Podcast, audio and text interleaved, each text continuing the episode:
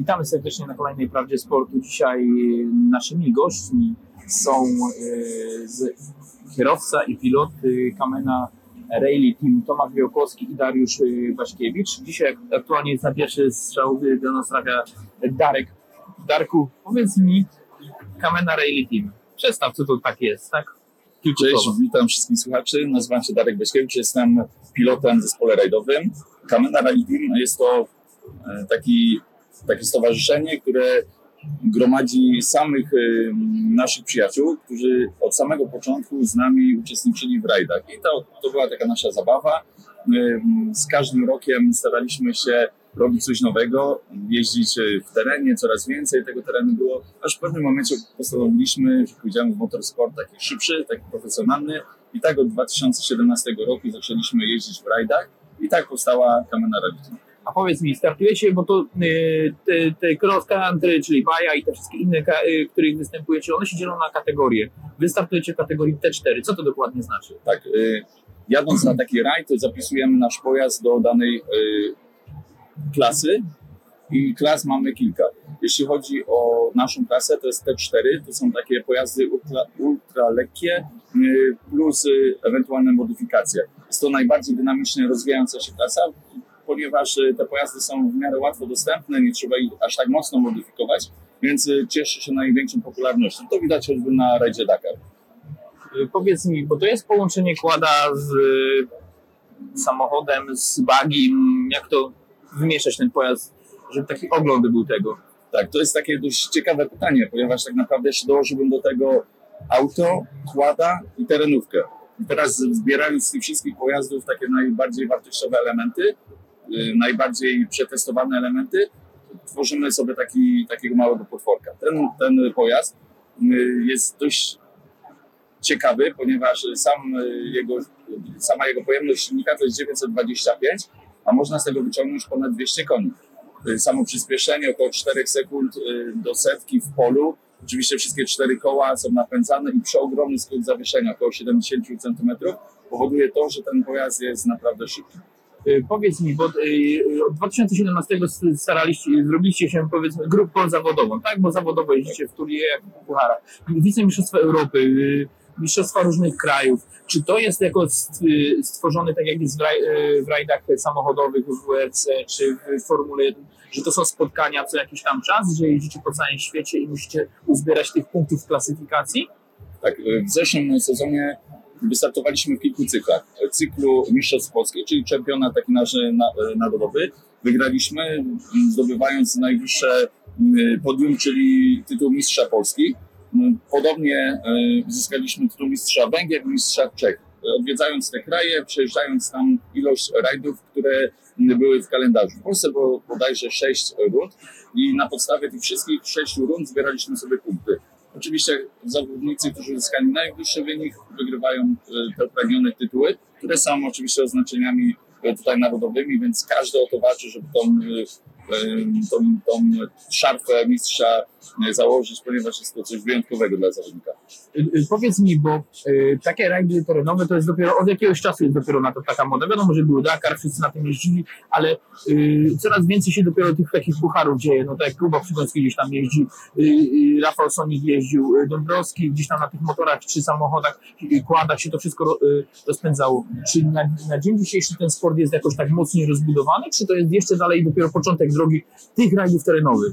Myślę, że to jest na podobnym etapie przez cały czas, ponieważ te rajdy charakteryzują się tym, że potrzebny jest przeogromny teren, ponieważ my pokonujemy odległości, nasz odcinek to jest tak średnio 100 km, ale potrafi też to być 400 km. Więc organizator musi zbudować taką bezpieczną przestrzeń dla nas. Najczęściej są to jakieś przeogromne poligony, tak jak w Polsce jeździmy na największym poligonie w Europie, czyli Drawsko Pomorskie. pomorskie. Tak, i y, wydaje mi się, że tutaj jest to ogromny problem, żeby rozwijać kolejne sekcje y, danych mistrzostw ze względu na teren. Myślę, że tych rajdów jest wystarczająco dużo. My w zeszłym sezonie startowaliśmy w 17 rajdach, co zabrało nam tak naprawdę z pół roku. Y, do, y, y, tyle tych rajdów, ale to jakby dalej, bo Dakar ma już swoją, jakby każdy wie, a ktoś się szykuje na Dakar, wszyscy o tym mówią, ale taki Baja, Poland, czy jakieś, ka- każde inne te Baja, Rosja, czy jakieś tam chyba Hiszpania, to jest nie jest to aż tak popularne, bo każdy ktoś mówi, a Dakar, każdy wie o co chodzi, każdy powie Formuła 1 czy WRC, każdy wie w co wchodzi. Nawet Speedway, który jest jakby sportem motorowym, ale jednak jest niszowym też, ale jakby się powie to już ten, a jednak ten segment tej wa- waszej rywalizacji jest, trochę taki wycofany. Tak, zgadzam się z Tobą. Dla nas jest to niestety przykre, ponieważ jest to super widowiskowy sport, ale niestety proszę sobie wyobrazić to, że wyjeżdżając y, na poligon, my znikamy na przeogromnym y, obszarze, więc żeby zobaczyć ten rajd, muszą być wyznaczone strefy. Oczywiście już y, u nas choćby w Polski widać to, że organizatorzy robią specjalne punkty, żeby kibice mieli mm, miejsce, gdzie mogą podjechać. Tam są widowiskowe fragmenty, sekcje, na przykład superhopka albo kilka takich sekcji zakrętów, gdzie można to zobaczyć, ale zgadzam się z Tobą, że nie jest to tak popularny sport. Oczywiście robimy wszystko, y, aby go propagować, choćby to, że jesteśmy, tak jak dzisiaj rozmawiamy, jesteśmy na targach poznańskich, wystawiamy nasze pojazdy, prezentujemy filmy, zdjęcia, staramy się opowiedzieć, sprzedać te emocje, po to, żeby ten sport był jeszcze bardziej znany.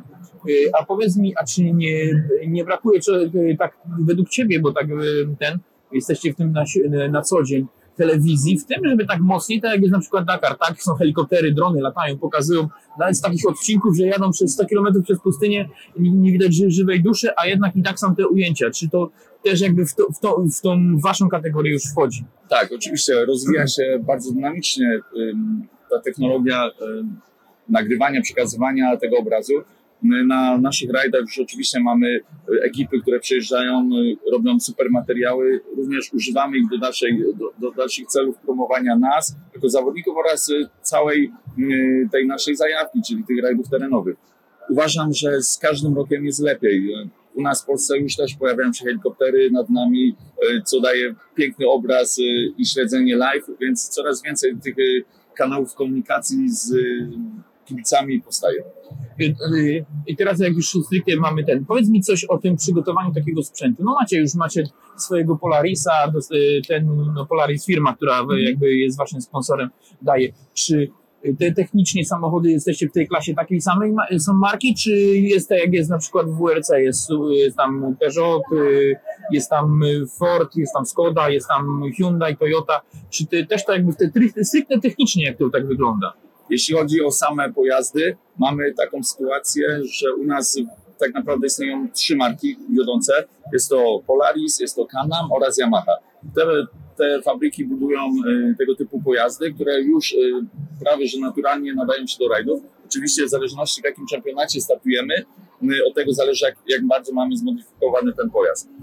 Najniższy czempionat to są Puchar Polski, Wymaga, wymagania oczywiście, które trzeba spełnić, są dość restrykcyjne. Chodzi o, oczywiście o bezpieczeństwo, klatka, siatki, drzwi, dach e, oraz inne elementy, które muszą się znaleźć w pojeździe oraz ubrania. I idąc dalej z każdym wyższym levelem, czyli po, po Pucharze Polskim mamy Mistrzostwa Polski, kolejnie mamy Mistrzostwa Europy i Puchar Świata, w którym e, właśnie w tym sezonie startujemy. I sam ten Puchar Świata wymusił u nas przebudowanie pojazdu, tak naprawdę zbudowanie jego od nowa.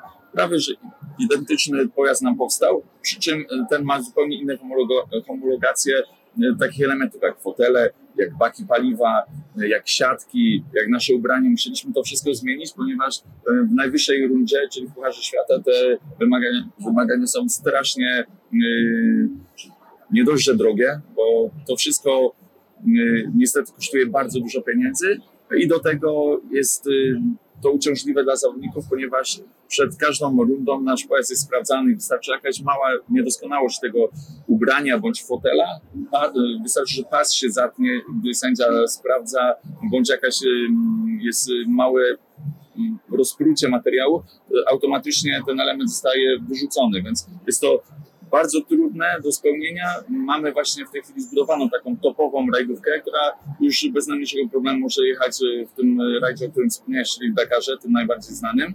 Y, Było to bardzo trudne, y, ale wiemy, że nasze doświadczenie plus to, że należymy do zespołu fabrycznego Polarisa i wsparcie samej fabryki dało nam ogromne możliwości.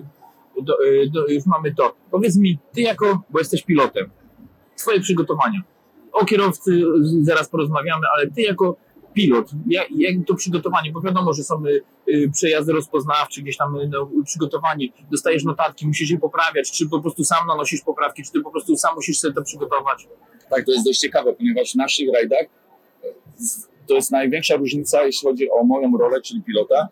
E, My nie zapoznajemy się z trasą. My jedziemy te długie odcinki, o których wspominałem, te 100 czy 400 kilometrów, jedziemy nigdy nie zapoznając się z tą trasą, nigdy nie widząc na oczy oraz ta książka drogowa Roadbook e, ze względów na to, żeby było jak najbardziej wyrównana e, rywalizacja, otrzymujemy tą książkę 15 minut przed samym startem, więc tak naprawdę nie mamy za dużo czasu, żeby ją przygotować, więc robię tylko szybkie notatki, takie, które mogę w tym momencie zrobić i tak naprawdę wsiadam do pojazdu i jedziemy w trasy, które nigdy wcześniej na oczy nie widzieliśmy. Y, Ale y, czy te, taki moment y, waszej pracy, czy to jest, jakoś się wspomagacie? Wiadomo, nawigacji, nawigacji dzisiaj ta technologia poszła do przodu, ona jest dopuszczana. Jak to wygląda u, u, z twojej strony perspektywy pracy no, na trasie, której, której nie znasz? Wcześniej mogliśmy korzystać z własnych urządzeń na pokładzie. Miałem do tego przygotowane specjalne zestawy takich komputerków pokładowych. Określają się one mianem HALDA. Y, Te urządzenia przygotowałem pod siebie. Bardzo dobrze mi się jakby komunikowało z tym sprzętem plus z tą książką drogową. Y, Ale w Pucharze Świata y, są znacznie bardziej restrykcyjne wymagania. Nie możemy używać swoich komputerków, swoich tych komputerów układowych. Otrzymujemy je też od samego organizatora.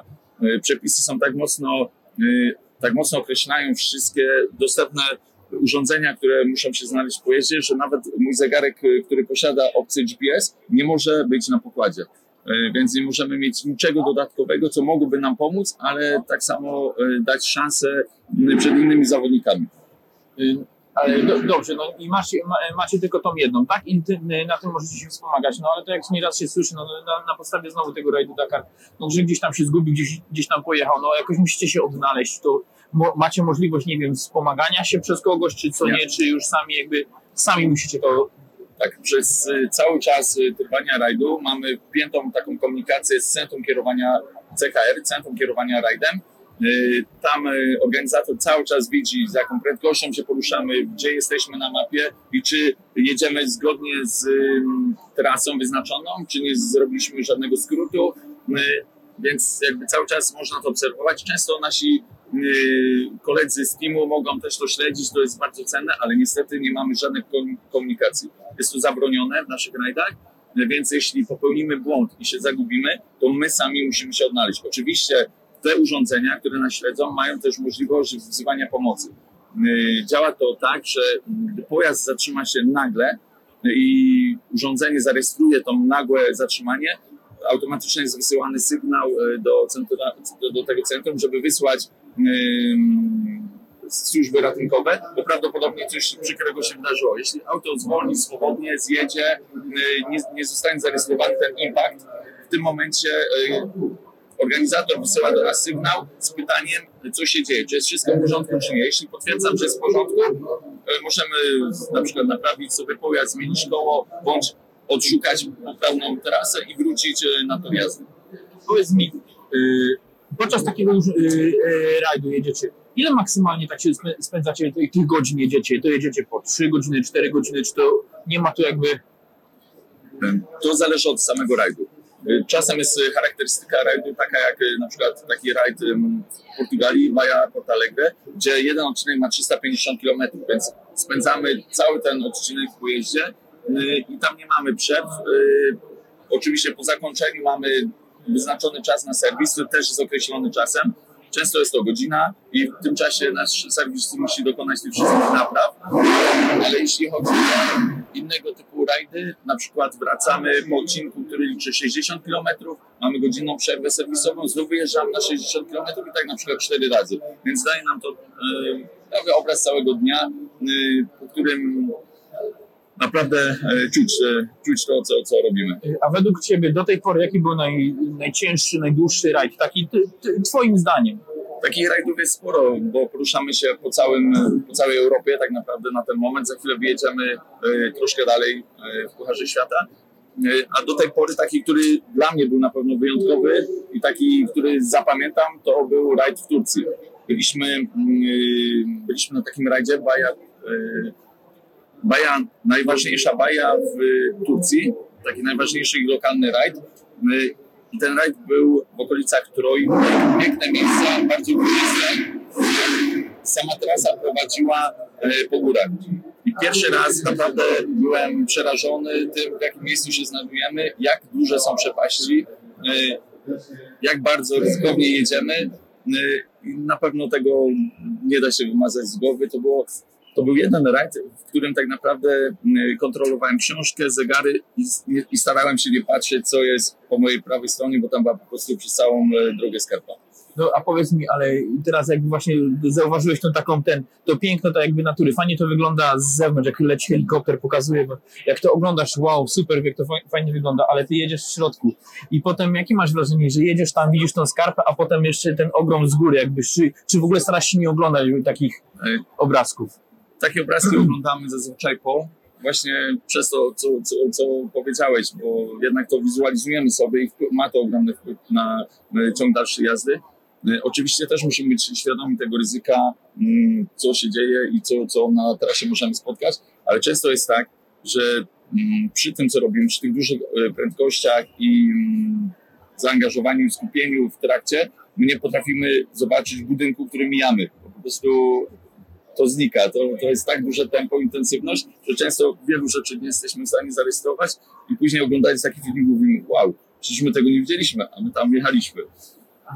Dobra, yy, Darku, Tobie dziękuję bardzo. Teraz porozmawiamy z yy, Tomkiem kierowcą, który opowie trochę z, z, z innego fotela, jak to wygląda z waszej ten. Dzięki Ci bardzo i miejmy nadzieję, że się spotkamy na jeszcze jakimś rajdzie w Polsce. No, bo nie sądzę, że gdzieś po, pojadę za Wami na Dakar, chociaż bym bardzo chciał.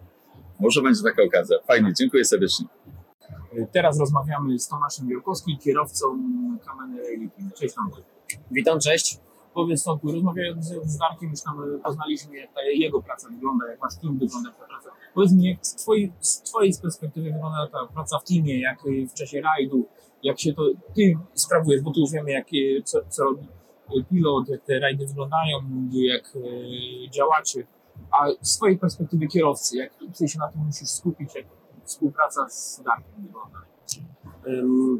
To po pierwsze tak, no jesteśmy zespołem rajdowym, czyli oprócz mnie i Darka mamy też jeszcze chłopaków y, w serwisie, w takim utrzymaniu ruchu, można to powiedzieć, i którzy, którzy na co dzień, inaczej na rajdzie, mają też taką funkcję, to tak naturalnie w sumie wyniknęło, że y, bardzo dbają o nas, że no, wiele obowiązków z nas ściągają, żebyśmy mieli czyste głowy przed startem, żebyśmy mogli się psychicznie też przygotować, no bo wiadomo, no, wsiadamy w pojazd i lecimy maksem, e, ile się da, więc też potrzebna jest nam taka chwila ciszy, chwila swojego jakiegoś tam chilloutu i, i, i to, co każdy ma już przygotowane dla siebie przed, przed, przed rajdem i na pewno nas chłopaki od tego odciążają.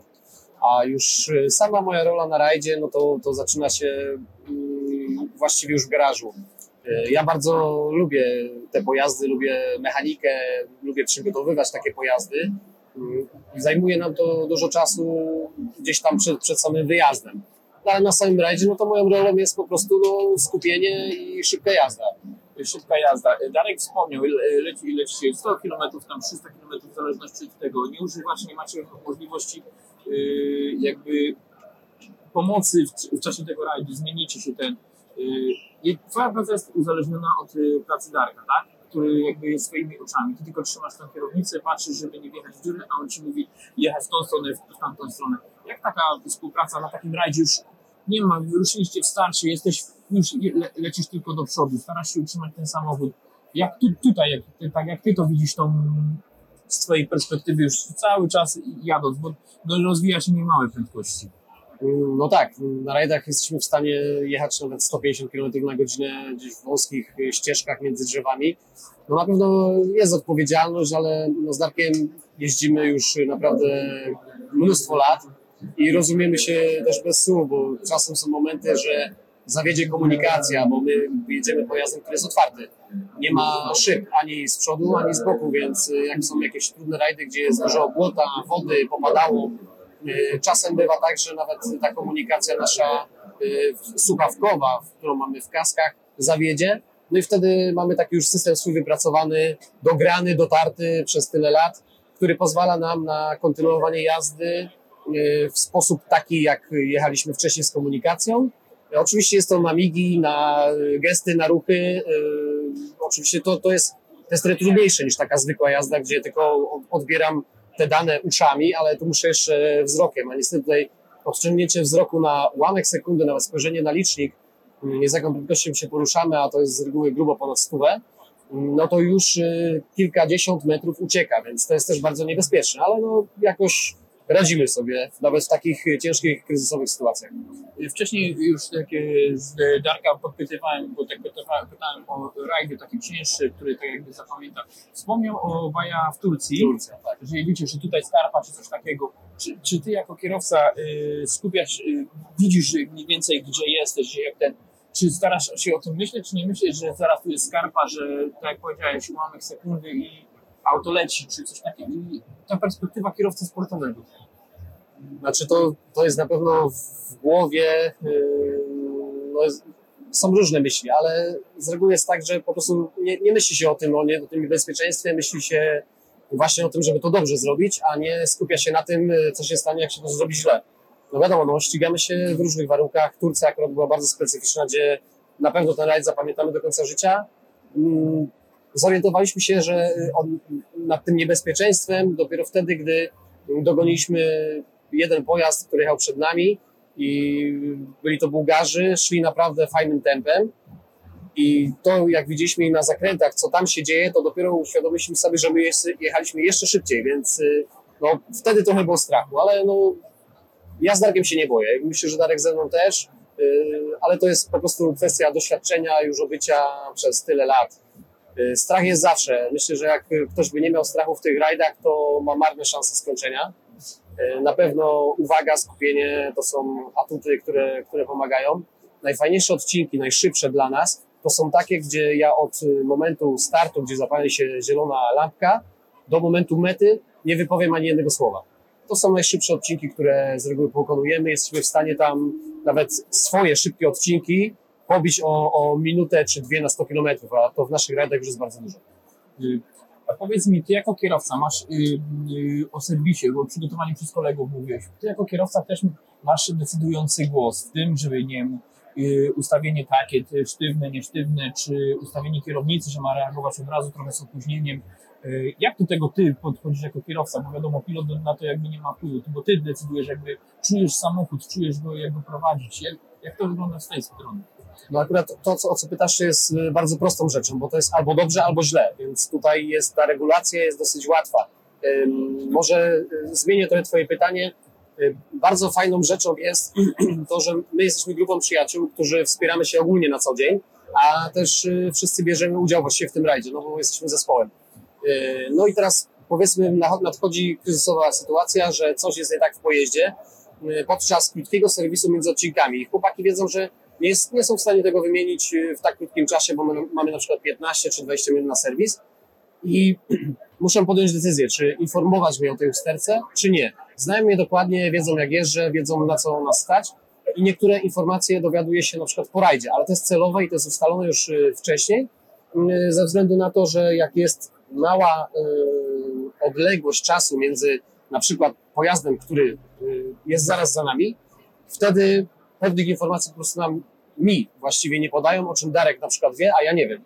Jest to celowe i jest to dobre, testowane przez nas mm, już y, od samego właściwie początku i tak to się odbywa, bo ta komunikacja z serwisem też się odbywa w pewien sposób, a to, że jesteśmy też grupą przyjaciół, no to też powoduje to, że każdy siebie zna i wie, jakie informacje do kogo mają trafić. A powiedz mi, od 2017 zaczęliście jeździć zawodowo, a teraz już wstąpiliście w szeregi y, Orlen, Orlen Team. Taki, y, spro, sprofesjonalizowaliście to jesteście zawodowcami w tym, co robicie. I jak to czas, y, ten czas, który jest wokół przygotowania wa- tego rajdu, wiadomo, rajd trwa tam powiedzmy 2-3 dni i wiecie, jesteście skupieni, ale pomiędzy tymi rajdami, jak wasza jakby praca teamu całego wygląda. No, przygotowanie pojazdu, na każdy sezon mamy oczywiście nowy pojazd, bo od, mamy zawsze kilkanaście tych rajdów, więc ten pojazd y, zawsze chcemy mieć topowy, żeby był w 100% sprawny.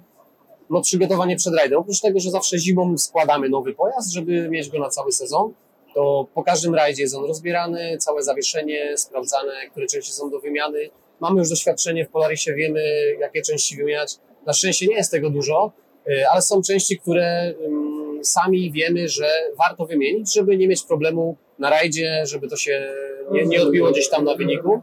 Yy, No i to trwa około tygodnia, gdzieś tak przygotowanie pojazdu do rajdu, chociaż yy, tak na, na szybko, żeby to zrobić, nawet w dwa dni jesteśmy w stanie gdzieś między rajdami, jak mamy tydzień po tygodniu rajdy, bo wiadomo, rajd to jest nie tylko te trzy dni, co mówisz, ale to jest jeszcze z reguły dzień wcześniej, które, gdzie są odbiory techniczne, administracyjne. My musimy już pojazd mieć złożony, gotowy, ale jeszcze na przykład dwa dni dojazdu, bo Portugalia czy Hiszpania to są dalekie wycieczki. Jeździmy zawsze na kołach, więc te dwa dni mamy z reguły gdzieś tam e, tak zarezerwowane przed rajdem i dwa dni po rajdzie, ponieważ zawsze jeszcze może wystąpić jakieś komplikacja podczas dojazdu, więc mamy zawsze jeszcze jakieś auto rezerwowe z hakiem, y, żeby tą naszą lawetę z rajdówką y, gdzieś tam w szybki sposób w razie awarii tego serwisu, auta serwisowego jeszcze podgonić. Powiedziałeś teraz o logistyce, ale powiedz mi, gdzie jest czas tej logistyce między, na trening, na jakieś takie przygotowanie siebie? Czy to już jest sprawdzone, czy musi- szykujecie tylko przed sezonem, czy pomiędzy rajdami też się przygotowujecie jakoś specjalistycznie? Wiadomo, no, Formule 1, tam w rajdach tych e, e, żużlu, czy jakiś, no, przy każdym motosporcie to, to nie jest tak, że człowiek wsiada i jedzie. To są też inne przygotowania, które są wokół. Jeżeli chodzi o treningi, to niestety my nie mamy na to czasu, ponieważ ilość tych rajdów, które mamy zaplanowane, y, powoduje to, że jesteśmy jakby cały czas w, w tym tempie jazdy i takie przestawienie się, czy to jest y, powiedzmy zima i jechaliśmy przed na kolcach, y, za chwilę będziemy jechać y, w Hiszpanii, gdzie jest sucha nawierzchnia twarda, nie sprawia nam to, jak mi przynajmniej jako kierowcy, jakiejś specjalnej różnicy i wpadamy od razu na dobrym tempie i po, po zimie powiedzmy, gdzie byliśmy pod Finlandią, praktycznie jeździliśmy właśnie to co powiedziałem na kolcach, po trze, trzymiesięcznej przerwie wpadliśmy i wygraliśmy wszystkie dziewięć odcinków od, od pierwszego do ostatniego, więc no, chyba nie potrzebuję takiej e, rozgrzewki. No, no rozgrzewki nie, bo to jesteśmy cały czas y, w ciągu te, tego turnieju. Ale y, ty jako kierowca, no, y, jakiś rozwój mentalny musi być, nie wiem, osobisty, skupienia czy czegoś takiego, jako kierowca takich rajdów, bo wiadomo, jest skupienie, jak już wspomniałeś, ale czy to, to jest jakoś specjalistycznie przygotowanie, czy to jest po prostu umiejętność jeżdżenia po prostu? Wypracowana, bo to nie jest tak, że człowiek wsiądzie i pojedzie i będzie potrafił jeździć takim pojazdem. Mm, Nie chciałbym odpowiadać do końca na to pytanie, bo mm, nie chcę wprowadzić kogoś w błąd. Y, Ja jestem może jakimś zupełnie specyficznym przypadkiem, gdzie y, ja nie potrzebuję tego. Ale mm, z obserwacji kolegów, którzy również się ścigają z nami w rajdach, im więcej odbywają treningów, tym lepsze mają wyniki na rajdach. Więc może jednak y, podszedłbym w tym kierunku, że te, te treningi, ta nauka tej jazdy, to bycie z pojazdem, dostosowanie go gdzieś tam na tych treningach, czyli ustawienie zawieszenia, y, pozycji za kierownicą, czy w ogóle innych parametrów y, w pojeździe, widzę, że jest bardzo dobra, kluczowa i potrzebna. Dob- ale z drugiej strony można to odwrócić, bo są teamy, które są kierowcy, się tylko zajmują, jest kierowcą, on siada, przyjeżdża, ma wszystko gotowe, a ty żyjesz w tym teamie, ty w nim jesteś, ty znasz ten samochód, bo go dotykasz codziennie, jesteś. Inni, niektóre teamy są takie, że po prostu kierowca przyjeżdża, y, spotyka się z mechanikami, mówi coś tam, co ma być przygotowane z, i po prostu siada i jedzie, jakby nie ma. A ty jesteś jakby otoczony inaczej trochę w tym teamie, to jakby z drugiej strony takie spojrzenie. Tak, bo ja jestem i mechanikiem, i kierowcą, więc może dlatego mi jest łatwiej poznać ten pojazd. Ja w ogóle skończyłem Politechnikę Poznańską, co ym, też na pewno mi dało jakieś tam techniczne spojrzenie na, na ten temat. Motoryzacją interesuję się od wielu lat i e, zaczynałem jeździć WS-ką, pewnie każdy zna, motorynkami i co tylko miało chociażby Ja dwa, tak, MZK, y, różne, różne pojazdy, kładami jeździłem, więc ja to ja sam je naprawiałem, sam je tworzyłem, sam przerabiałem pod swoje jakieś tam potrzeby. Więc może mi jest łatwiej po prostu poznać ten pojazd, jego zachowanie, co skąd wynika. Y, No i, i, i tak jak mówię, no, nie czuję potrzeby nawet treningu, ponieważ z doświadczenia wiemy, że po e, zimowej przerwie wsiadaliśmy w pojazd nowo zbudowany, gdzie ustawione było tylko właściwie na dwóch dziurach zawieszenie i od razu wygrywaliśmy odcinki, więc e, jestem może jakimś specyficznym przypadkiem. No, a no, y, tak jak no, przygotowujesz samochód, już, powiedz, tak wtedy już jak ty mówisz, że przygotowujesz, dostajecie od Polarisa samochód, tak? Tak. Już wy go składacie, czy przyjeżdża, bo ty już z tej stricte mechanicznej strony, jak jesteś no dostajecie ten samochód, musicie go złożyć, czy po prostu on przyjeżdża już na kołach, wy go tylko dobudowujecie, do, coś tam przerabiacie pod siebie, czy co? Raczej, raczej właśnie dostajemy mm, pojazd i wtedy się dopiero zaczyna cała zabawa. Staramy się zawsze wcześniej ym, zebrać części, które będą nam potrzebne do y, zbudowania go, y, bo to też niestety trochę trwa, bo tutaj w naszym pojeździe na przykład klatka jest y, z Portugalii, baki mamy z Francji, y, amortyzatory ze Słowacji, zawieszenie, czyli, czyli wahacze ze Stanów. I to trochę trwa jednak ta logistyka, ale no już mamy na tyle doświadczenie duże, że jesteśmy w stanie już to, sobie spokojnie przygotować wcześniej. I sama taka aplikacja tych części już trwa naprawdę niedługo, około dwóch tygodni jesteśmy w stanie złożyć taki pojazd rajdowy, który z powodzeniem może się ścigać y, w topowych rajdach. A takie już mechaniczne sprawy, tak jak jesteś w rajdzie i masz, y, tak jak mówiłeś, masz y, ludzi od serwisu tego wszystkiego, czy ty w momencie właśnie już bycia rajdu skupiasz się tylko na kierowaniu, czy też po- pomagać na tych przerwach serwisowych, że chcesz tam pomóc, że chciałbyś swoją wiedzę też tam przekonać, przekazać coś takiego, czy tam się odcinasz całkowicie? Ym, To znaczy tak, no, wjeżdżając na park serwisowy, pierwszą czynnością, którą robimy jest przekazanie informacji z trasy, czyli jeżeli mieliśmy jakiś problem, jeżeli gdzieś uderzyliśmy jakimś kołem, czy coś yy, zahaczyliśmy, yy, to ta informacja zaraz jest przekazywana do naszego serwisu, który ma obowiązek sprawdzić tę yy, tą część, czy, czy ten zespół części właściwie. No i, i, i- tak to wygląda. Jeżeli jest jak- jakaś naprawdę naprawdę jakaś afera, to wtedy no, staram się też pomóc. No, jesteśmy zespołem, więc, więc tam każdy wkłada rękę jak tylko może. Mieliśmy sytuację, gdzie mieliśmy minutę do startu, a jeszcze y, nasz serwisant siedział pod pojazdem, pojazd był podniesiony, były w środku zapięci, czekaliśmy na, na ten start i po prostu za nogi go wyciągnęli, żebyśmy mogli tylko zdążyć dojechać, żebyśmy żebyśmy nie dostali kary. Y, A powiedz mi, czy w, w takim y, w takim teamie, jak jesteście też przygotowani, no macie fizjoterapeutów, no, jaki ten skład tego teamu, taki jak oprócz mechaników, was jako kierowcy pilota, czy jest rozbudowany mocno taki? Czy właśnie fajne jest to, że z Darkiem znamy się tyle czasu, że Darek jest moim psychoterapeutą, a jestem jego psychoterapeutą, bo każdy, jak już na siebie spojrzymy, wiemy, y, co drugi myśli bez słów y, i to dużo pomaga, bo jesteśmy w stanie sami siebie naprostować w momencie, bez y, jakichś wielkich kumulacji tych swoich uczuć, emocji czy, czy jakiegoś złego nastroju. Także to na pewno tu mamy wykluczony jeden etap, bo sami siebie gdzieś tam prostujemy. No i wsparcie też y, rzeczywiście naszych przyjaciół z serwisu, bo to są, tak jak mówiłem, my się, jesteśmy ze sobą na co dzień. Przebywamy ze sobą prawie 24 na dobę, więc każdy siebie zna i, i to jest naprawdę też bardzo pomocne. Wiemy, że możemy na nich liczyć. Y, y, To są takie rzeczy teoretycznie małe, ale wielkie, bo będąc w takim rajdzie, jak ja wsiadam do pojazdu i pytam się kierownika serwisu, mówię, Sarna, wszystko jest ok? A Sarna mówi, tak, jest ok to ja wiem wtedy, że mogę ze spokojną głową lecieć i, i nie przejmować się, że coś y, może być nie tak. I to jest najważniejsze, że jednak ten team też jest taką drugą rodziną. Trzeba to też y, tak mocno y, y, powiedzieć. Y, No, spędzamy ze sobą tyle czasu, że i y, na stopie tej rajdowej, i na stopie prywatnej, i na stopie filmowej, że no już jesteśmy po prostu tak ze sobą zgrani, że tak jak mówię, no rozumiemy się bez słów. I to najważniejsze. A powiedz mi, najbliższy rajd, y, to jest start sezonu, czy już ten sezon rozpoczęliście? Tak, już rozpoczęliśmy sezon y, Pucharu Świata, ścigaliśmy się pod samą prawie Finlandią y, na, na bardzo fajnym terenie, gdzie ścigaliśmy się po lodzie, w ogromnych zaspach, gdzie można powiedzieć, że pojazdu momentami nawet nie było widać. Jeździliśmy na kolcach, była, był to nasz pierwszy start na, na takiej oponie z kolcami i tak jak Tobie powiedziałem już, że nie sprawiło nam to jakiegoś problemu. Zawahałem się tylko przed pierwszym zakrętem, gdzie było zahamowanie do takiej prawie że nawrotki z dużej prędkości, prawie że do, do, do minimalnej, do 50 na godzinę.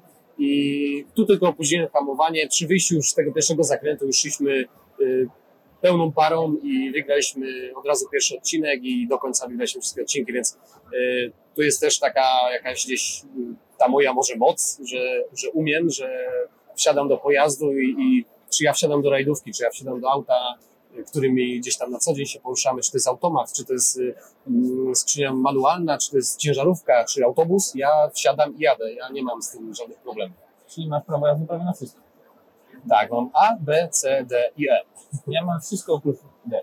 Tak, Więc no, y, tak. y, tro, trochę to znam. wiesz jak to jest. Tak, y, wiem jak to jest też wy- wyjechać. Gabaryty pojazdu nie spra- sprawiają mi trudności. 40 metrów czy 60, po prostu wszędzie się pojedzie. Tak, tak, tak. Dobra, to czego wam życzyć na ten, na ten sezon? E, Na ten sezon zdobycia Pucharu Świata, bo to jest takie nasze, nasz cel, nasze marzenie. My startujemy również w Pucharze Europy i tego też możecie nam życzyć. Czyli Mistrzostwa Europy, Puchar Świata i przede wszystkim Rajd Dakar, którego chcecie, szukacie celem waszym jest Rajd Dakar, tak? E, Tak, to jest nasz cel taki dalszy, ale no może dalszy i bliższy, bo Dakar jest co roku. E, Brakuje nam niestety jeszcze małego wsparcia, żeby ten cel osiągnąć.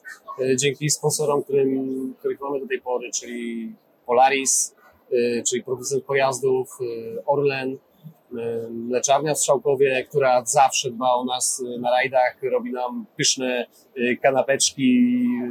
Nawet hitem był naleśnik z, z ich serkiem na, na Bajipoland, y, gdzie chyba wykarmili cały, cały kamp. Y, No mamy tych sponsorów, y, którzy nam pomagają, jednak brakuje nam jeszcze takiego, takiej kropki nad i, żeby w tym Dakarze wystartować. Ale to jest do, do spełnienia, bo widać to po teamach, które jeżdżą, czyli Orlen Team już też wysyła, czyli jest szansa na to, żebyś e, z Orlen Teamem wystartowali. w tym. Zawsze jest szansa.